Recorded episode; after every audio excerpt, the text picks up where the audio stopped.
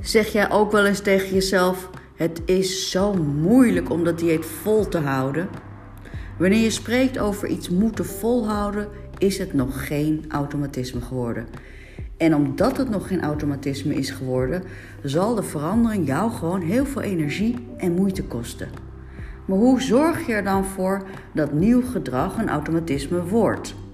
Mijn naam is Mira, host van deze podcast en founder van Fitspel. En in deze podcast bespreken we de drie domeinen van het zelfconcept, namelijk het zelfideaal, het zelfimago en de zelfwaarde. En hoe dit in relatie staat met jouw transformatie. Luister ook de auto, want daar geef ik je de oefenopdracht om hier zelf mee aan de slag te gaan. Veel luisterplezier. Dag!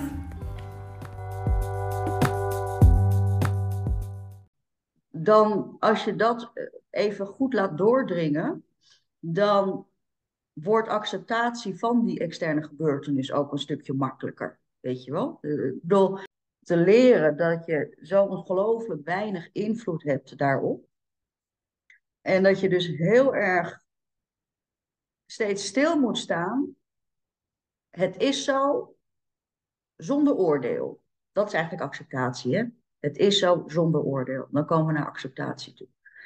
En uh, uh, pas vanaf het moment dat je namelijk op het stukje acceptatie zit, kan je naar oplossingen gaan. Snap je wel?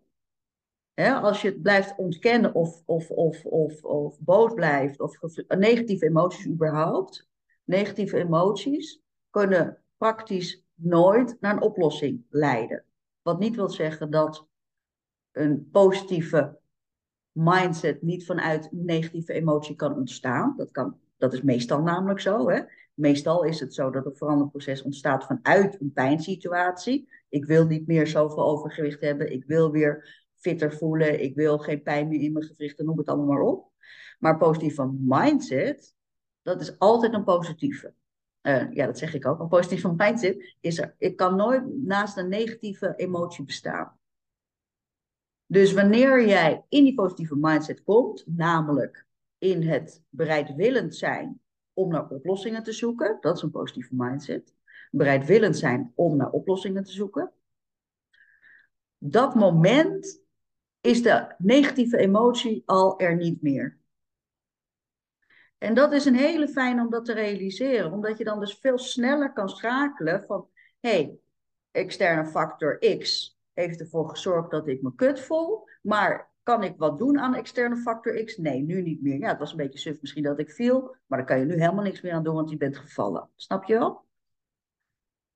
En dan, weet je wel? Dan komt altijd weer en dan ik, was, ik had eigenlijk echt mijn doel gesteld. Het was eigenlijk wel een van mijn grote wensen toen ik begon met Fitspel. Dat doe ik nu sinds vorig jaar januari. Um, het was eigenlijk uh, onder de 90. Dus dat had ik eigenlijk vorige week gehaald. Hè, dus volgens mij precies zondag. Ja. dat ik op de weegschaal ging staan en toen was het 89,8. Ja. En toen gingen we opzoeken en ik begon op 115,6. Ja. Dus uh, ik, ik geloof het ook bijna niet of zo. Het is echt wel dat je denkt, wow, of zo. Ja. Het wel weer even extra binnen of zo. Het, het mooie is, denk ik, uh, uh, denk ik, wat mensen moeten realiseren, is dat je die eerste 20 kilo in de eerste fitspel af was gevallen, hè, in drie maanden. Ja, ja. En dat je er dus vervolgens ongeveer negen maanden over hebt gedaan om nog een keer vijf kilo af te vallen. Ja, ja ik was eerst weer een beetje bijgekomen. Weer in de tussentijd ook een beetje aangekomen inderdaad. Ja, het is belangrijk om te realiseren dat, dat het dus niet uitmaakt, maar dat je dus, als je kan zeggen na een jaar is nog steeds het gewicht eraf, heb je het gewoon goed gedaan. Ja, want je, ik heb een soort app waarin ik het een beetje bijhoud. En het, dan, als je bijvoorbeeld van een jaar ziet, ja, kunnen we niet zien van... Ja, dan gaat het dus een beetje zo afvallen en dan weer ja, zo. En het is zeker geen uh, rechtlijnige... Er zitten iets van drie of vier piekjes weer in. Ja, ja, ja. Dan kwam ik weer net boven de 100 en dacht ik, verdorie, weer boven die 100. Ik zou toch onder die 90 gaan? Ja. Dus ik heb wel, uh, wat Mira me ook zegt, dat ik me wel eens mezelf overschat als ik dan denk van, oh, het gaat goed, dan dus in die flow blijven. Dus ik merk dat nu dus ook een beetje, dat ik denk, oh, ik heb mijn doel gehaald. Ik mag het wel een beetje vieren. Ja, ja, en nu met ja. die paaseitjes, dan Ja, merk ik toch, ik kan me op zich wel inhouden, maar ik merk dat ik toch de, ietsje beetje laat varen. Dus dat wel, ja, nu dacht ik gelijk ook, ik ben blij dat ik er nu bij ben. Want ik moet Ja. wel proberen in die flow te blijven. Want ik ben Ja. van huis uit wel echt de yo-yo'er. Ja, Dus maar precies eh, dat, hè? Want als dat, blijven. als dat Ja. ook de vraag is van hoe blijf je in de flow, dat is vooral inderdaad de meetings bijkomen. Gewoon erbij, letterlijk erbij blijven. Helpt enorm natuurlijk in je, in je emotionele en mentale eh, proces. Ja, Eh, en ja, kijk, uiteindelijk, eh, Annemiek wilde onder de 85 eh, komen. Hè? ja, Gewoon een beetje scherp gewoon, houden. Ja, toch? Gewoon de min 30 aantikken. Lichaam, je lichaam streeft eigenlijk altijd naar homeostase, noemen we dat in de fysiologie. En dat wil niks anders zeggen dan evenwicht. En eh, je lichaam vindt het op een gegeven moment wel genoeg. En dat merkt iedereen die afvalt. En zeker als mensen meer dan 10 kilo afvallen, merken dat heel erg. Dat je dan op een gegeven moment op een plateau komt. Hè? Dan lijkt het alsof het heel moeilijk is om door een bepaald punt heen te komen. We noemen dat in, eh in leefstijl noemen we dat zogenaamde setpoint. Eh, en dat is eigenlijk gewoon het punt waarbij je lichaam zoiets heeft van ja, nou wil ik gewoon weer even homeostase. Nou wil ik gewoon weer eventjes vasthouden wat ik heb, als het ware. En dat betekent niet, eh, want sommige mensen denken dan dat ze dan eh, niet meer kunnen afvallen, maar dat is, dat is tweeledig. Enerzijds is het echt homeostase, met andere woorden, je lichaam gaat de verbranding, zo moet je het zien, je lichaam gaat je verbranding aanpassen aan de inname. Of, heel simpel gezegd, je lichaam gaat wat minder hard verbranden. Snappen jullie wat ik zeg? En, maar dat is niet dat we dat de schuld kunnen geven. Want wat we veel vaker zien is dat wanneer mensen die 10 kilo zijn afgevallen, precies wat Annemieke zegt, dat je dan zoiets zegt van ja, ik heb nou een doel bereikt, nou mag ik wel een beetje losser. En het is vaak die combinatie, dus enerzijds dat setpoint, de fysiologie van het setpoint en gewoon de, emotie, of de mentale emotionele eh, gedragingen, die er dan voor zorgen dat je zo op dat setpoint een beetje blijft schommelen. Erop, eraf, erop, eraf, erop, eraf, weet je wel. En uh, dat, dat kost gewoon weer eventjes wat meer bewustzijn en meer energie, hè, veranderenergie, om daar weer doorheen te komen. Maar het blijft een proces van vallen en opstaan en steeds één keer meer opstaan. Dus dat is eigenlijk het proces. Ja. Ja, ik zat best wel een tijdje op dat plateau, denk wel drie weken of zo, of vier weken. Maar ik, in, ik denk wel in het verleden dat ik er heel veel frustratie van kreeg. Zeker, ja, Nu, tuurlijk. maar nu kon ik wel denken van, hou vertrouwen in het proces, weet je wel, doe gewoon mijn ding per dag. En Ja. let niet meer op dat nummer, want je hebt ook wel eens, dan val je de hele tijd niet af en dan ineens weer hard. Weet je, het is ook, hangt ook van andere factoren af. Dus ik probeerde wel echt mezelf rustig te houden van, van echt jezelf eerlijk aankijken van heb ik gewoon netjes gegeten, heb ik gewoon netjes bewogen Ja. en dan komt het vanzelf of zo. Zo probeer ik wel gewoon rustig te blijven. Ja. Dus dat heeft me wel echt geholpen. Ja, heel mooi. Uh, dat, uh, uh, die bewustzijn is dus altijd weer waar het op neerkomt. Hè? Het bewustzijn van je emotie, van je gedrag en je emotie. Daar komt het steeds op neer. Hè? Dus enerzijds wat Annemiek terecht zegt, wat heb ik eigenlijk gedaan? Hoe komt het dan dat ik niet meer afval? Wat, ben ik wel zo eerlijk naar mezelf? Uh, en heb ik het echt zo goed gedaan als dat ik, of, of, of ja, maak ik het zelf wat mooier dan het werkelijkheid is geweest? En anderzijds de emotie direct omvormen van, hé, hey, ik merk dat ik gefrustreerd raak. Hé, hey, ik merk dat ik boos word. Hé, hey, ik merk dat ik, weet ik veel, uh, chagrijnig word. Hoe kan ik dat omvormen? Want je hebt dus die veranderenergie nodig en die veranderenergie die ontstaat vanuit een positieve emotie. Dus enerzijds kan je afvragen, waar moet je dan starten? Moet je dan beginnen bij emotie omvormen? Moet je dan beginnen bij je gedraguitingen? Ik zou eerder geneigd zijn, zeker als je een beetje gefrustreerd bent, wat Patricia net een beetje omschrijft, dan zou ik eerder liever geneigd zijn om te zeggen, start bij je emotie. Omdat uh, het feesten van realiteit, als je niet heel erg uh, positieve emoties zit, kan je jezelf gewoon heel erg in de maling nemen. Hè? Het, het, het, het, het, blijft gewoon echt zo, jongens. Iets wat goed voelt, hoeft niet per se goed te zijn. Hè? En, en, en als we ons gewoon niet zo fit voelen, in, en dan bedoel ik dus als we negatieve emotie ervaren, uh, dan.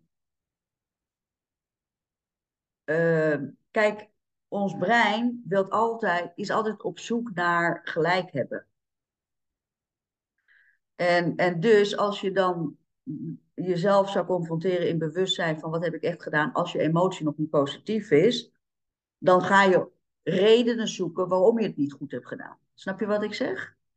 En dat zorgt er eigenlijk voor dat je dus nog meer in die negatieve flow blijft, in plaats van uh, dat je eruit want dat lukte niet en zie je wel, want het is stom en ik moest ook nog helpen verhuizen en bla, bla, Dus dan krijg je van allerlei dingen die, uh, die je als externe, externe redenen aanwijst voor jouw interne proces. Nou, dat kan gewoon niet. Ja, het kan wel, we doen het allemaal, maar het is niet handig.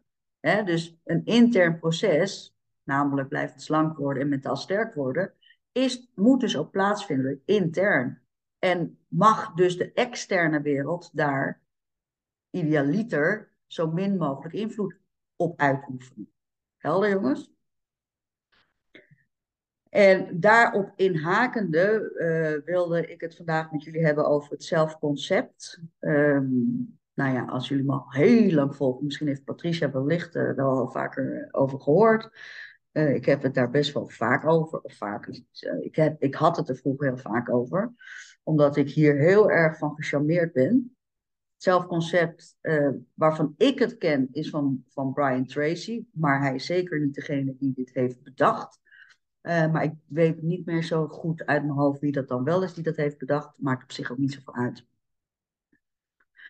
Het zelfconcept wil eigenlijk zeggen dat je 24/7, tenminste als je bewust bent, als je wakker bent, dat je 24/7 een mening hebt over jezelf. Hoe je pen vasthoudt, hoe ik nu in de regen aan het lopen ben, hoe ik nu deze uh, master of deze webinar uh, of de Q&A of wat is het eigenlijk, commitment meeting bijwoon. Altijd met alles wat je doet, wat je zegt, wat je voelt, heb jij daar een eigen idee over. Zelfconcept wil net niks anders zeggen, zoals wij het in leefstijl of vitaliteit, moet ik het zeggen, noemen, is perceptie. Hè? Dus hoe jij jouw waarheid uh, uh, ziet, is jouw zelfconcept. Komt voort vanuit jouw zelfconcept. Jouw zelfconcept, dus hoe jij jezelf ziet vanuit jouw perceptie, uh, is dus continu aanwezig. En zorgt er daar, en is gevormd natuurlijk door omgeving, opvoeding enzovoort. Um, maar zorgt er ook voor dat we heel erg makkelijk terugvallen in oud gedrag. Want het is je eigen identiteit. En die is niet zomaar ontstaan, die heb je zelf gevormd. En wat ik net al zei, jouw brein wil heel graag steeds bevestiging van je eigen gedrag. En dus eigenlijk reinforce je steeds je zelfconcept. Snap jullie wat ik zeg? Uh, dus je versterkt eigenlijk onbewust je, je eigen idee over jezelf. En dat kan je dus alleen maar veranderen door je bewust af te vragen: wie ben ik? Nou, dat is de meest gestelde vraag en de meest moeilijke vraag natuurlijk. Maar kiezen we voor transformatie, is het een hele essentiële vraag. En dat betekent dat als we dus kijken naar wie ben ik vanuit het zelfconcept, dat je dus mag afvragen: wie ben ik echt? En ben ik iemand anders als ik mijn. Hè, wij bespreken altijd vanuit, uh, vanuit coaching spreken we altijd over dat mensen allemaal rollen spelen. Dat kennen jullie vast wel. Hè? Je hebt je rol als, als werknemer, je hebt een rol als moeder, je hebt een rol als vriendin, uh, je hebt een rol als partner, nou noem het allemaal maar op. Hè? Daarin spelen we allemaal een soort van hoe wij denken dat dat het beste manier is. Hè? Dus ook weer om onszelf daarin uh, een goed gevoel te geven. Hè? En bij wanneer je dus gaat afvragen van hé, hey, wat ga ik doen met dat zelfconcept, dan vraag je je dus eigenlijk af, ben ik nou heel ander persoon als moeder of als partner, zeg maar wat.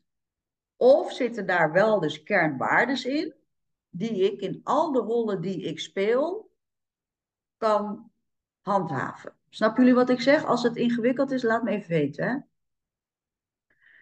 Het moment, namelijk, als je dit gaat uitwerken, het moment dat je iets totaal anders gaat doen dan de gemene deler van die rollen die jij speelt in het leven, ontstaat er stress.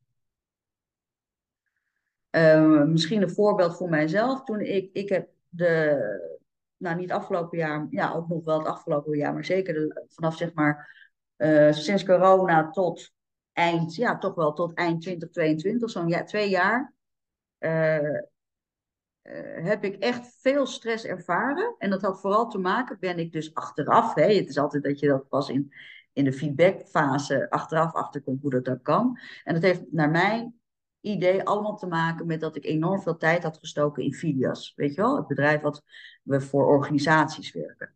Nou, waar ontstaat dan daar de stress?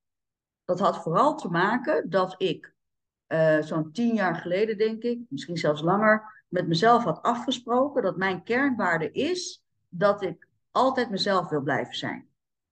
Dat ik dus geen concessie doe over wie ik ben. Natuurlijk met respect voor anderen, hè, dat, lijkt me logisch, maar dat ik eh, weinig behoefte heb om concessies te doen om anderen te pleasen. En door dat filios was ik dat continu aan het doen omdat ik moest praten met houten in het Erasmus en met ziekenhuis, HR, uh, hoofdfiguren enzovoort. Die gingen mij ook testen. Je moet je voorstellen, in het begin dat ik met filias begon, werd ik echt een soort van gekeurd door een paar houten om te kijken of ik wel alles, of ik wel genoeg wist om die validatie te krijgen van Erasmus. Ik snap het, weet je wel. Ik snap dat je uh, een soort van, uh, hoe noem je dat? Ja, het was een, gewoon een soort van assessment krijgt met, met drie van die hoofdmethoden die echt alle vakjargon op tafel gingen gooien. Ik kon er natuurlijk, ja natuurlijk, ik kon er overal antwoord op geven. Tot het moment dat ik zei, zullen we nou weer gewoon Nederlands met elkaar praten? Want wat jullie zeggen, zo praat ik ook niet tegen onze klanten. En toen was het ijs gebroken, maar dat stukje toneelspelen heb ik zo'n twee jaar moeten doen. Begrijpen jullie? Terwijl dat dus en dat weten jullie wel van mij als je me langer volgt in mijn coaching zeker, dat is iets waar ik gewoon heel erg slecht tegen kan. Ik kan heel erg slecht tegen niet mezelf kunnen zijn. en als je dat dus ontdekt in dat zelfconcept, ben ik mezelf als rol als moeder, ben ik mezelf als rol als ondernemer, ben ik mezelf als rol als zus, ben ik mezelf als rol als partner? Ja. Wanneer ervaar ik stress? als ik me anders voor moet doen dan dat ik werkelijk ben. Weet je wel? Ik heb ook heel veel mailtjes, uh, nee veel, heel veel is overdreven, maar ik heb best wel mailtjes gehad van mensen. Ja, sorry, ik ga je niet meer volgen, want je vloekt zo erg. Je zegt zo vaak kut of zo, weet je wel. ik zeg, ja, dan is het toch echt beter dat je me ontvolgt, want dat ga ik niet stoppen, dat ga ik niet veranderen, weet je wel. Uh, dus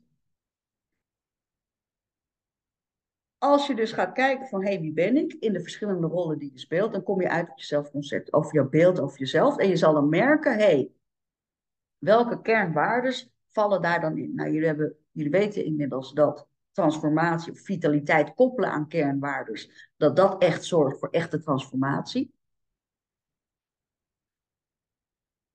Maar dan zie je dus een paar pijlers die eigenlijk voor jou belangrijk zijn. Tot zover helder, jongens? dus dan heb je eigenlijk het totaal zelfconcept. Nu gaan we het zo dat wij mensen zijn nu eenmaal niet alleen op de wereld, dus we hebben ook met andere zaken te maken. En daar spelen drie um, zijpaden een belangrijke rol. Eén is de ideal self, twee is de self-image en drie is de self-esteem. Oftewel, één is jouw ideale zelf, twee is jouw imago en drie is jouw eigen waarde. Als we die nou kunnen verenigen, dan ben je bezig een betere versie van jezelf te worden.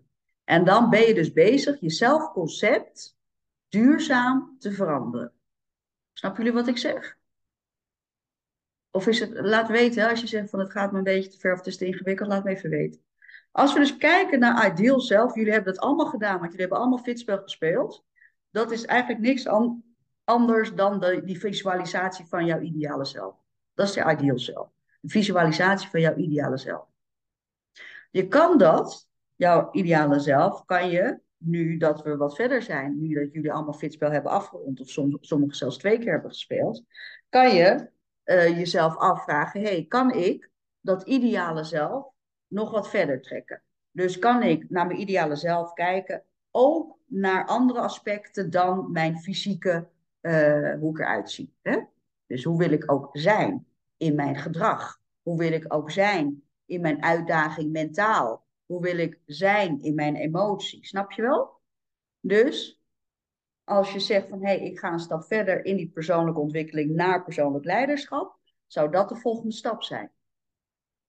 Dus je ideal zelf ga je doortrekken op gedrag en emotie. En mentaal, dus eigenlijk de pijlers van, eh, van fitspel. Hè? Fysiek, mentaal, emotioneel, sociaal en spiritueel.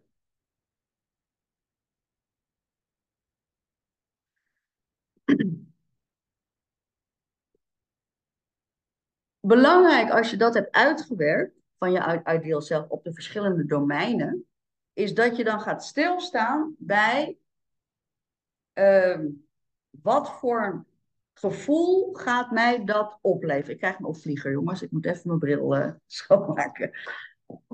Dus als je dat hebt uitgewerkt, mag je jezelf afvragen: wat voor gevoel geeft mij dat? Dus als ik mijn ideale zelf ben op het, op het gebied van mijn gedrag, als ik mijn ideale zelf ben op het gebied van hoe ik eruit zie, als ik mijn ideale zelf ben op het gebied van hoe ik me mentaal ontwikkel, uh, spiritueel ontwikkel, enzovoort. Wat, wat voor emotie gaat jou dat dan geven? Nou, ik kan het je zeggen wat voor een emotie dat geeft. Dat is één woord voor en dat is flow. F-L-O-W.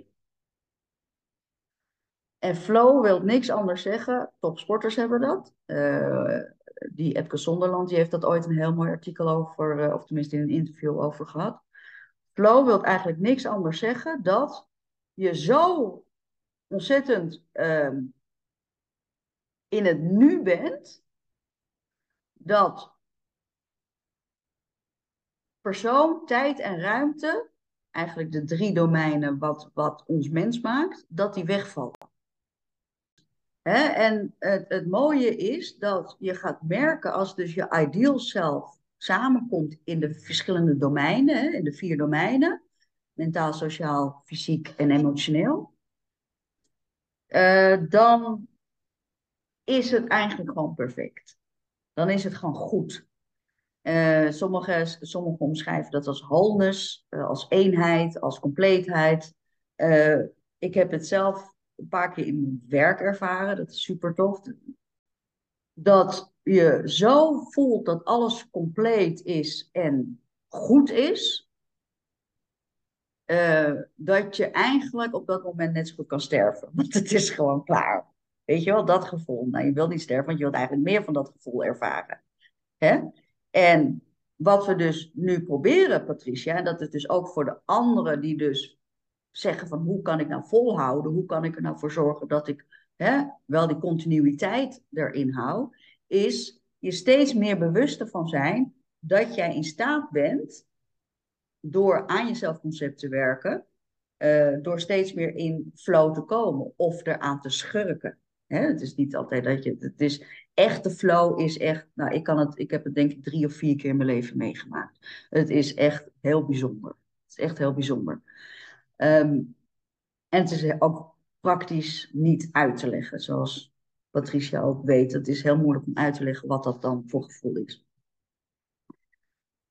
Uh, maar dat is dus eigenlijk wanneer je ideal zelf helemaal uh, ja, zich openbaart, als het ware. Klinkt een beetje zweverig, maar uh, ja, zo kan het ook niet op een andere manier zeggen. Maar dan hebben we natuurlijk te maken met het zelfimago. en ook dat hebben zeker de mensen die in de één op één coaching hebben gezeten, hebben dat gedaan. Dat is namelijk vragen aan anderen hoe zij jou zien. Dat is één. Vragen hoe anderen jou zien.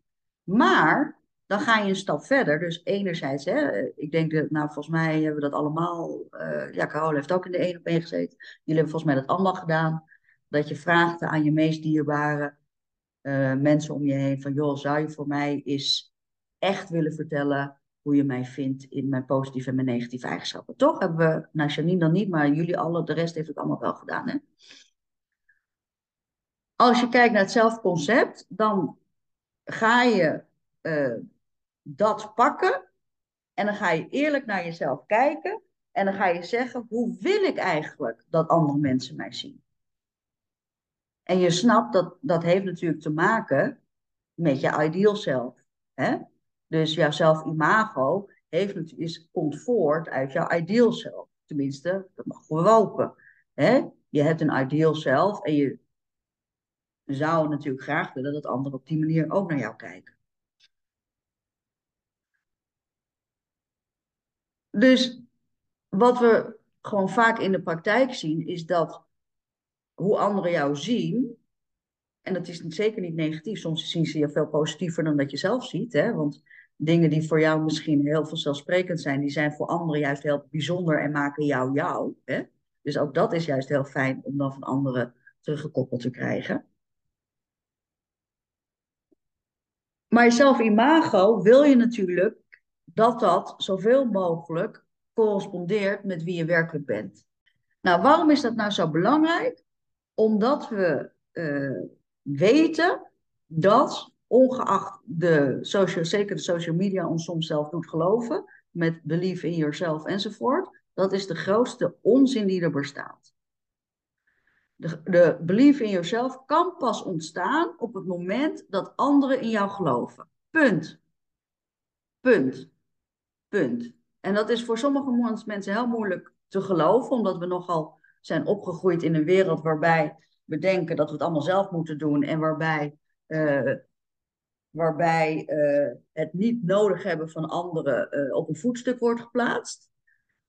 Wat echt, echt, echt, echt, echt onzin is. Je kan echt pas in jezelf geloven als je hebt geleerd dat anderen in jou geloven. En daarom is dat zelfimago, oftewel de mensen waar je het meest mee omgaat, dat zijn er meestal maximaal zeven, die echt zo dicht bij jou komen. Max zeven, meestal zijn het maar vier of vijf. Uh, die doen er wel degelijk toe. Dus wanneer ik, wanneer ik net zeg van, ik heb mij zo'n tien jaar geleden voorgenomen dat ik zo min mogelijk aantrek van wat anderen zeggen, is het behalve die vijf mensen die dichtst bij mij staan. Dat zijn de enige, bijna de enige. En dan bedoel ik puur op emotioneel niveau. Hè? Natuurlijk trek ik het me aan als mensen feedback geven over mijn werk of over wat of hè, maar echt puur op emotioneel niveau. Puur op wie ik als persoon ben of wil zijn. En uh, het idee dus dat, dat je jezelf moet ontwikkelen en daarmee uh, geloof in jezelf moet versterken, onafhankelijk, is echt, is echt belachelijk. nou, we weten dat ook wel als je dat gaat kijken in de literatuur, in de wetenschap, dan weten we allemaal dat ik heb laatst een post gezet over, ik weet niet of ik het ook in de, in de community heb gezet, over competitie bijvoorbeeld. Competitie is niet een ander uitschakelen. De werkelijke betekenis van competitie is elkaars krachten meten om daardoor beter te worden. Dat is eigenlijk competitie. En uh, dat is precies dus waarom je de ander nodig hebt. Dat is precies waarom jullie hier zitten. Hè? Door even weer wat aan te horen en weer even geïnspireerd te worden en even te kijken van, hé, hey, kan het ook op een andere manier bekijken of kan het ook op een andere manier benaderen? Dat versterkt jouw geloof in zelf. Maar zonder referentie van een ander ben je gewoon niks. Ben je echt gewoon niks. Sterker nog, er zijn genoeg helaas mishandelde kinderen die opgesloten zijn in een kelder ergens. Die kunnen niks totaal vervreemd. Dus uh, zelfimago doet ertoe. Hè? Dus ga eens kijken van, hé, hey, weet ik hoe andere mensen over me denken? Durf ik dat eens te vragen? Durf zij ook daar echt open in te zijn? Dus ook de minder aantrekkelijke kanten, ook de positieve, maar ook de minder positieve kenmerken van jou. En strook dat of komt dat overeen met mijn ideale zelf? En dan kom je bij de laatste domein van het zelfconcept. En dat is dus zelfesteem, oftewel zelfwaarde. En um, zelfwaarde, nou ja, jullie zijn, denk ik, nou ik weet niet, maar de meeste van jullie zijn uh, Fitspel ingestapt met het idee dat het om jou gaat in plaats van je dieet, als je een blijvende transformatie uh, wilt hebben. En uh, Iedereen kent mijn uitspraak. Je gaat pas veranderen als je ofwel heel erg veel pijn hebt, ofwel als je zelf de moeite waard vindt om moeite voor te doen. En zelfwaarde of zelfesteem gaat eigenlijk gewoon over de vraag: hoe leuk vind ik mezelf eigenlijk? Deze was voor mij toen ik zelf 10, 15 jaar geleden hiermee geconfronteerd werd met het zelfconcept uh, methodiek, was voor mij echt een hele pittige. Want als je, sorry, als je echt gaat zeggen tegen jezelf, hoe leuk vind ik mezelf, en je bent echt eerlijk naar jezelf, dan weet ik dat de meeste dames daar best wel moeite mee hebben. Omdat we nogal kritisch zijn op onszelf. En ook dat heeft te maken met hoe jouw zelfconcept is ontwikkeld. En mijn zelfconcept, oftewel mijn overtuiging van mijzelf, mijn, mijn uh, uh, identiteit, was eigenlijk geborgen in ik ben niet goed genoeg. En was eigenlijk geborgen in wie denk je wel dat je bent. Weet je wel, dus ik kan dan helemaal goed mijn ideal self formuleren. Ik kan helemaal goed mijn zelf-imago uh, formuleren, maar mijn zelf-esteem, holy shit, dat was wel echt even een pakketje treurnis wat ik daar moest opentrekken. Weet je wel? Want wat betekent het als jij, uh, als jij jezelf eigenlijk helemaal niet zo echt in jouw diepste wezen zo leuk vindt, als dat je zegt dat je jezelf leuk vindt? dan uh, hebben we een probleempje. Want dan is dat dus het eerste waar je aan moet werken. Maar dat is verdomde lastig. Want als jij dus van jongs af aan hebt meegekregen, of misschien zelf hebt gereinforced, of hè, dat is bij iedereen natuurlijk anders. Maar als van jongs af aan hebt meegekregen dat je niet deugt, dat je niet goed bent, dat je het zelf moet oplossen, dat je enzovoort.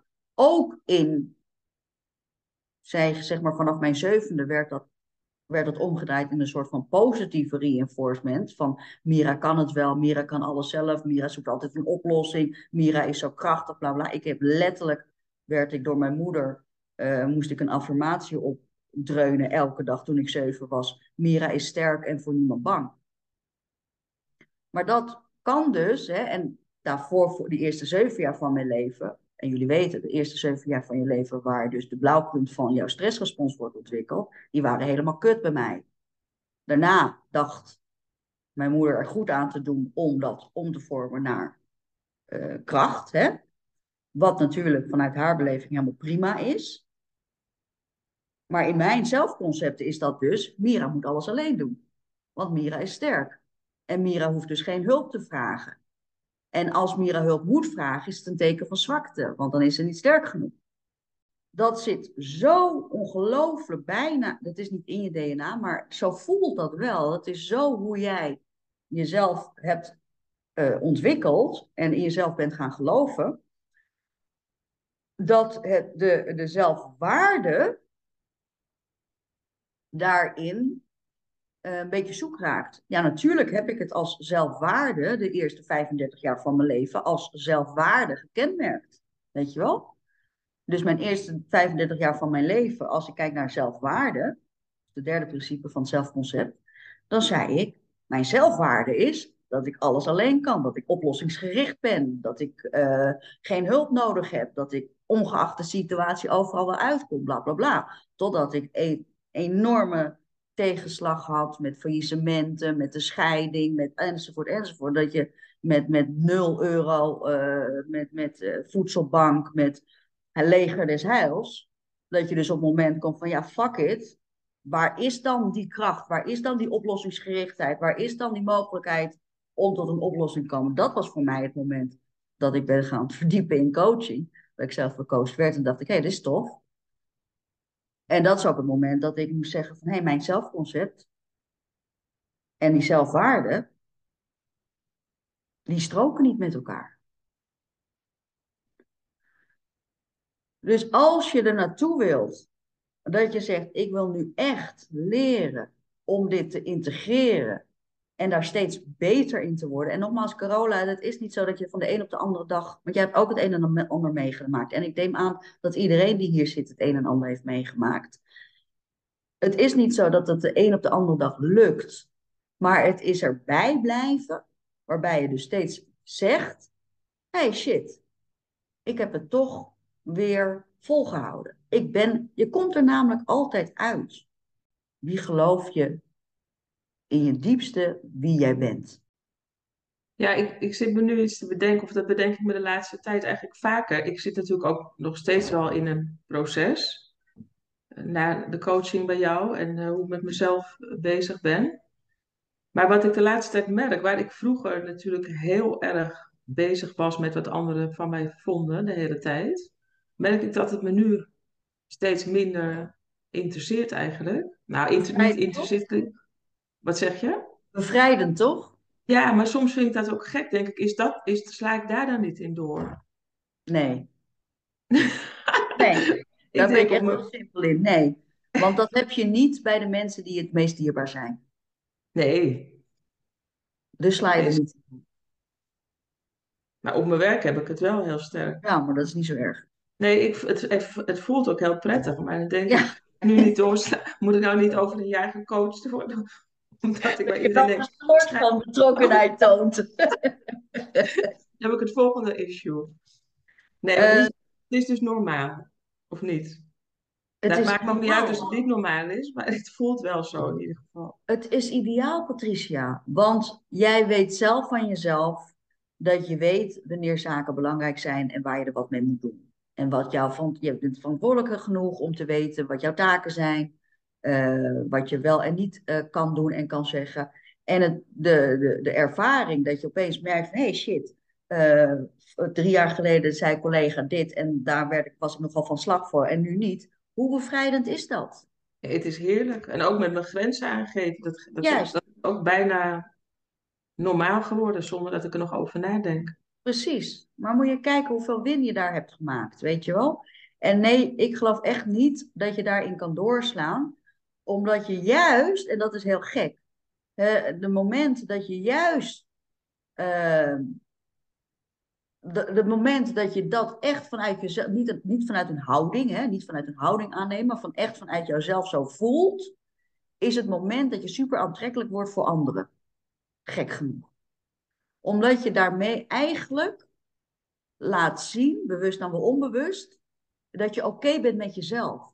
En niks is aantrekkelijker dan oké te zijn met jezelf. Snap je wat ik zeg?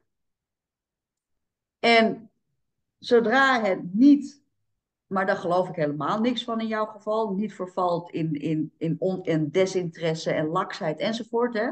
Uh, maar waar het echt meer om gaat is van hé, hey, uh, ik ben mij bewust, iemand zegt dat, nou ja, heeft eigenlijk niks met mij te maken. Die persoon heeft vast ruzie gehad met zijn partner. Klaar, weet je wel, die, dat niveau, dat is gewoon super bevrijdend. En, super aantrekkelijk voor anderen. En dat is naar mijn idee een van de belangrijkste persoonlijke leiderschapskills. Dat je echt uh, voor jezelf weet wat je, hè, dat, is, dat is het zelfconcept. Wat je weet wat je waard bent. Hè, dat is het ideal zelf. Wat je weet hoe anderen naar je kijken. En dat je jezelf waarde dusdanig in orde hebt dat je jezelf gewoon belangrijk genoeg vindt om daarin die grenzen te stellen. Nou ja, kennelijk is dat inderdaad toch zo geleidelijk aan wel normaal voor me geworden of zo. Dat Heel ik fijn. was me de eerste natuurlijk de hele tijd van bewust. Maar dat, is, dat lijkt nu 9 van de 10 keer dus weg te zijn. Dat ik het gewoon doe. Ja. Maar iemand anders wees me daar ook wel. Ook, ik had het zelf ook al bedacht, maar die zei ook gewoon. Grappig. Je zegt het nu gewoon allemaal. En je lijkt er ook helemaal niet meer bij eh, stil te staan of ongemakkelijk van te worden. Ik zeg nee, eigenlijk niet. Ja. Maar jij gaat er dus De anders apen wel weer beter te baas. Ja, maar dat is dus precies wat ik dus net zei. Die externe veranderen niet, maar jij bent veranderd. Snap je wel? Dat is dus precies waar transformatie over gaat. Transformatie gaat nooit over een externe te veranderen. Dat is natuurlijk wat we doen als we blijven slank willen worden en we gaan diëten. Dat is een externe verandering. Transformatie begint dus dat jij gaat zien, hé, hey, ik kan aan die externe niet zoveel doen. Ik moet het anders, zelf anders gaan benaderen. Mooi, prachtig. Hele, hele, hele grote win. Wat je enorm veel meer geluk gaat geven in het leven. Gewoon Ja, zo je, Ook, ja. ja, gewoon omdat je jezelf mag, omdat je jezelf hebt, eh, ja, omdat je voor jezelf hebt, hebt toegelaten om gewoon jezelf te zijn. Dat klinkt een beetje flauw, hè? maar het is best heel erg, het is echt een heel groot dilemma voor veel mensen. Het is ongelooflijk hoeveel wij, weet je waarom mensen Rolex kopen? Dat is gewoon communicatie. Weet je wel, dat is gewoon communicatie. Weet je wel, want je kan exact zo'n Rolex in het nep kopen, maar dat kopen ze dan niet. Terwijl je het ziet het verschil niet. Dus ga niet zeggen dat het even mooi of lelijk is, want dat zie je echt niet. Maar het is communicatie. Het is dus zelf-imago. Snap je wel? Dus, dus, dus, dus al die uiterlijke schijn eh, hoort bij dat stukje zelf-imago. Nou, hoe tof kan het zijn als je zegt, hé, hey, met, die, met, die, eh, met het horloge van de HEMA vinden mijn vrienden mij even leuk. Of vinden mijn collega's me even leuk. Dat is waar je naartoe, naartoe gaat. Dus, dus die uiterlijke vertoning. En dat doen we natuurlijk ook door onszelf fysiek te veranderen. Dat is ook zelf, dat hoort ook bij het zelf-imago gedeelte.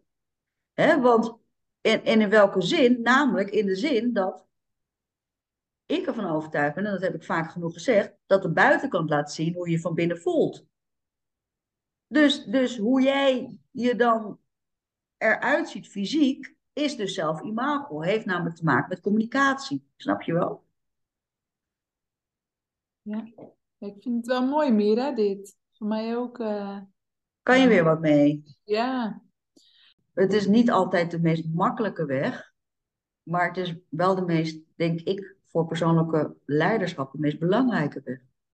maar ik merk inderdaad ook wel dat mensen juist wel positief reageren. Dat ze zeggen van, oh, wat goed van je dat je even nee zegt of zo. Dat zou ik misschien ook moeten doen. Is dat je juist, ja, dus nou ja, daar word ik ook beter in. Ja, Ja, dat is juist zo mooi dat, je op een gegeven, dat het op een gegeven moment steeds gemakkelijker gaat. En wat ik eigenlijk ook zeg, dat je dan ineens denkt, oh, ik ben me helemaal niet meer van bewust dat ik gewoon nee zeg. Of, of eh. Ik Nou, dat ook is dus wel, echt- eh, ik vraag me ook dat- niet meer af wat ze van me vinden. Dat, dat, is dus echt een- transformatie, hè, Patrice? Wanneer het dus de gewoonte dusdanig is dat het eigenlijk een automatisme wordt, dat, het, dat je er dus niet meer bewust van bent of niet minder bewust van bent, dat je er eigenlijk bewust door wordt omdat iemand anders dat dan tegen je zegt. Hè? ja, En dat is Ja. dat. Kijk, het moment dat je toch nog afvraagt van hè, wat zullen anderen wel niet van me vinden. En eh, hè, dus als je iets eh, jezelf. En, en nogmaals, jongens, het is super logisch en het is gewoon super veel trainen. En dan kom je gewoon op het moment, net zoals Patrice, dat het steeds makkelijker gaat. Maar dat heeft gewoon, ja, bij Patrice zit al je drie jaar in dat proces, weet je wel. Het is niet van de ene op de andere dag. En ik zit 15 jaar in dit, nou nog wel langer in dit proces, weet je wel. En nog kom je momenten tegen dat je toch denkt van, hey shit, hey, oud gedrag. hey shit, gedrag van mijn zevenjarige ik, weet je wel. Dus eh, dat, dat, dat is gewoon ook wel heel erg eh, logisch. Maar het moment dat je dus eigenlijk gaat afvragen, eh, als ik dit ga zeggen, wat zullen ze dan wel niet van me denken? Of wat zullen ze wel niet van me vinden? Of kan ik dat wel zeggen, ja of nee? Dan heeft het alles te maken met die zelfesteem.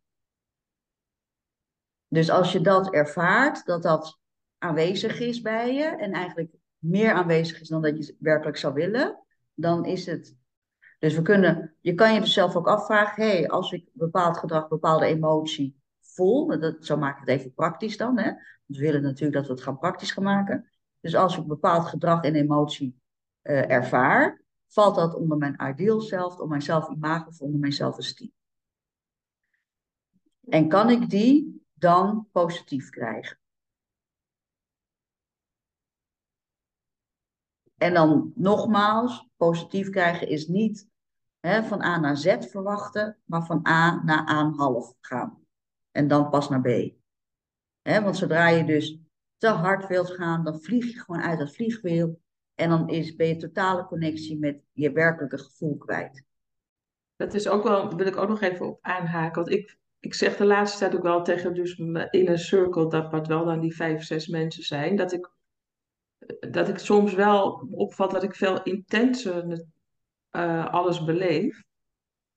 Maar ik ben ook heel lang een soort robot geweest. Eigenlijk. Tuurlijk. Die werkte, werkte, werkte en bepaalde emoties natuurlijk allemaal wegstopte. En, uh, en soms is dat, dat is voor mezelf ook nog wel af en toe even weer nieuw. Dat ik denk, goh, had ik daar nou vroeger ook uh, last van? Of, of juist dat ik bijna denk, ik lijk wel euforisch over iets. Is dat niet heel hysterisch waarom ik hier nu zo moet lachen of iets? maar het is gewoon al, alles is gewoon intenser. Ja. Maar het is ook wel heel fijn. Maar ik ben gewoon, ja, ik denk weer steeds meer mezelf. Ik voel alles gewoon, ik stop het niet meer weg. Ja. Maar dat, dat zegt dus wel de inner circle. Dus zij zien dat natuurlijk ook. Ja, mooi toch? Ja, heel mooi. ja. En dan zie je dus weer dat het zelfimago, hè, dat het zo belangrijk is om je zelfconcept te versterken. Snap je wat ik bedoel, jongens? Dus je hebt dat ook weer echt nodig. En natuurlijk, of natuurlijk, ja, voor mij natuurlijk, maar het is ook echt zo dat je het intenser beleeft omdat je heel simpelweg bewuster leeft. That's it. Ga, en, ieder, en, en het begint met iets heel simpels als ga eens echt dat chocolaatje proeven of doe het hapslik weg. Dat is het verschil. Weet je wel? Als je bewust dat chocolaatje eet en het echt intens gaat proeven. En zo hebben jullie allemaal gedaan met de tastecard bijvoorbeeld, hè, in Fitspel. Van als je nou echt eens gaat proeven. Natuurlijk is het dan intenser. En dat is eigenlijk wat je dus ook nu op mentaal en emotioneel niveau ervaart, Patrice. Dus het is ook logisch dat je relaties verdiepen, uh, je mentale prestaties worden opeens veel makkelijker vergroot. Uh, het gaat, je, je staat verbaasd hoeveel meer je kan in minder tijd met meer energie.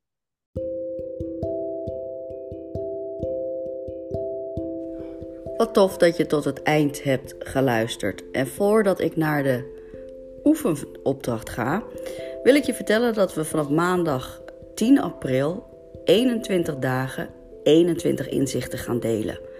Inzichten die jouw sociale, mentale en fysieke vitaliteit vergroten, met daaraan gekoppeld ook weer een oefenopdracht. Enige wat je hoeft te doen is je even abonneren op jouw podcastkanaal, op dit podcastkanaal, zodat je geen enkel inzicht hoeft te missen. En dan nu de oefenopdracht van deze podcast.